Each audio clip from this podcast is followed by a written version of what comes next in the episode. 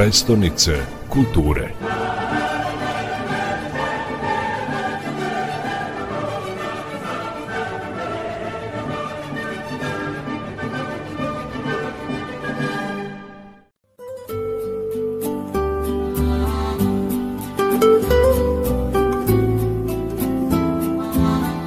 Prvi put u istoriji dva italijanska grada dele titulu nacionalne prestonice kulture, kako su Bergamo i Breša poneli to priznanje? It was uh, after our um, most dramatical period. To je bilo posle našeg najdramatičnijeg perioda izolacije i pandemije. Dva gradonačelnika su odlučila da se Bergamo i Breša zajedno kandiduju za titulu nacionalne prestonice kulture.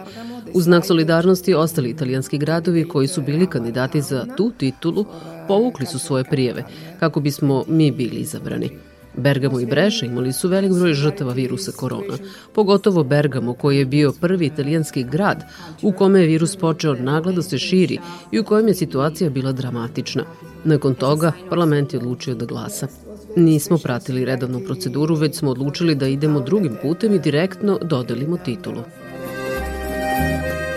To je bio veoma važan trenutak za nas jer smo razmišljali o budućnosti. Osmislili smo projekat koji se bazira na metodi od dozdo prema gore sa projekcijom i učešćem svih udruženja. Nije postojao jedan direktor koji je o svemu odlučivao, nego smo organizovali niz sastanaka sa velikim brojem ljudi. Sa više od 300 udruženja to nam je omogućilo da razumemo šta građani, šta udruženja žele i rade i tražili smo samo jednu stvar, da radimo zajedno. To je bilo nešto potpuno novo za sve nas. Proces je bio veoma uzbudljiv, pošto smo prvi put imali debatu dve slične, ali različite asocijacije. Prvi problem sa kojim smo se suočili bio je direktno povezan sa problemom pandemije. Bila je to kultura kao lek.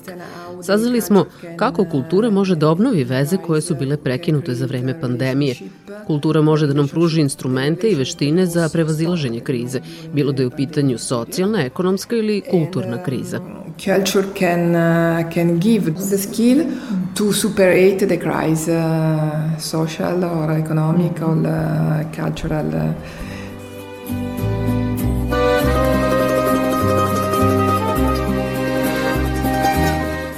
Da li ste organizovali posebna izdanja festivala u Bergamu povodom godine titule?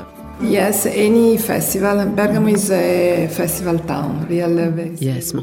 Bergamo je grad festivala. Stanovnici Bergama vole festivale. Imamo međunarodni festival nezavisnog filma Bergamo Film Meeting, zatim Donizetti Opera Festival, inspirisan poznatim bergamskim kompozitorom Donizetijem, Orlando Festival i Bergamo Jazz Festival. Od organizatora smo tražili da za godinu titule prirede poseban program, zanimljiv i atraktivan za publiku, kao i da privuku novac iz javno-privatnih partnerstava koje dobro funkcionišu u našem gradu. So the partnership private and public was very well in, uh, in this town.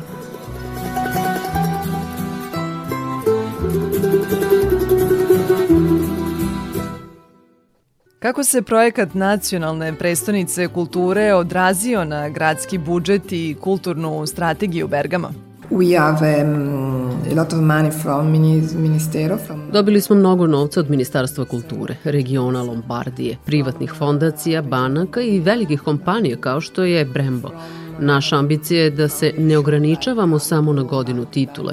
Pojedini događaji jesu kreirani specijalno za tu priliku, kao što je Festival svetla – ali nadamo se da ćemo nastaviti sa nekim od projekata koje smo započeli u godini titule, kao što je Festa de la Muzika, koja je prvi put organizovana u Bergamu. Pogotovo sa projektima koji stvaraju veze između ljudi i realizuju se u različitim distriktima. Bitno je da smo osnažili fondacije i organizacije i učinili ih profesionalnijim i spremnijim za predstojeće izazove. Veoma smo zadovoljni odzivom ljudi. Tane je u tome da osmislite raznovrsne programe kako bi svako mogao da pronađe nešto po svojoj meri. Neke projekte pratimo više od 20.000 ljudi. Niko više ne postavlja pitanja šta podrazumeva projekat Nacionalne prestonice kulture.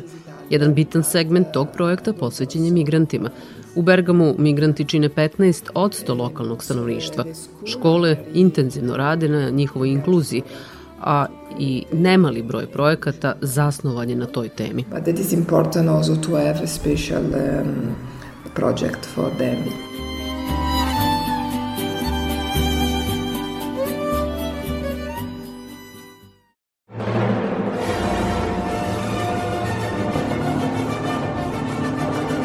Prestonice kulture.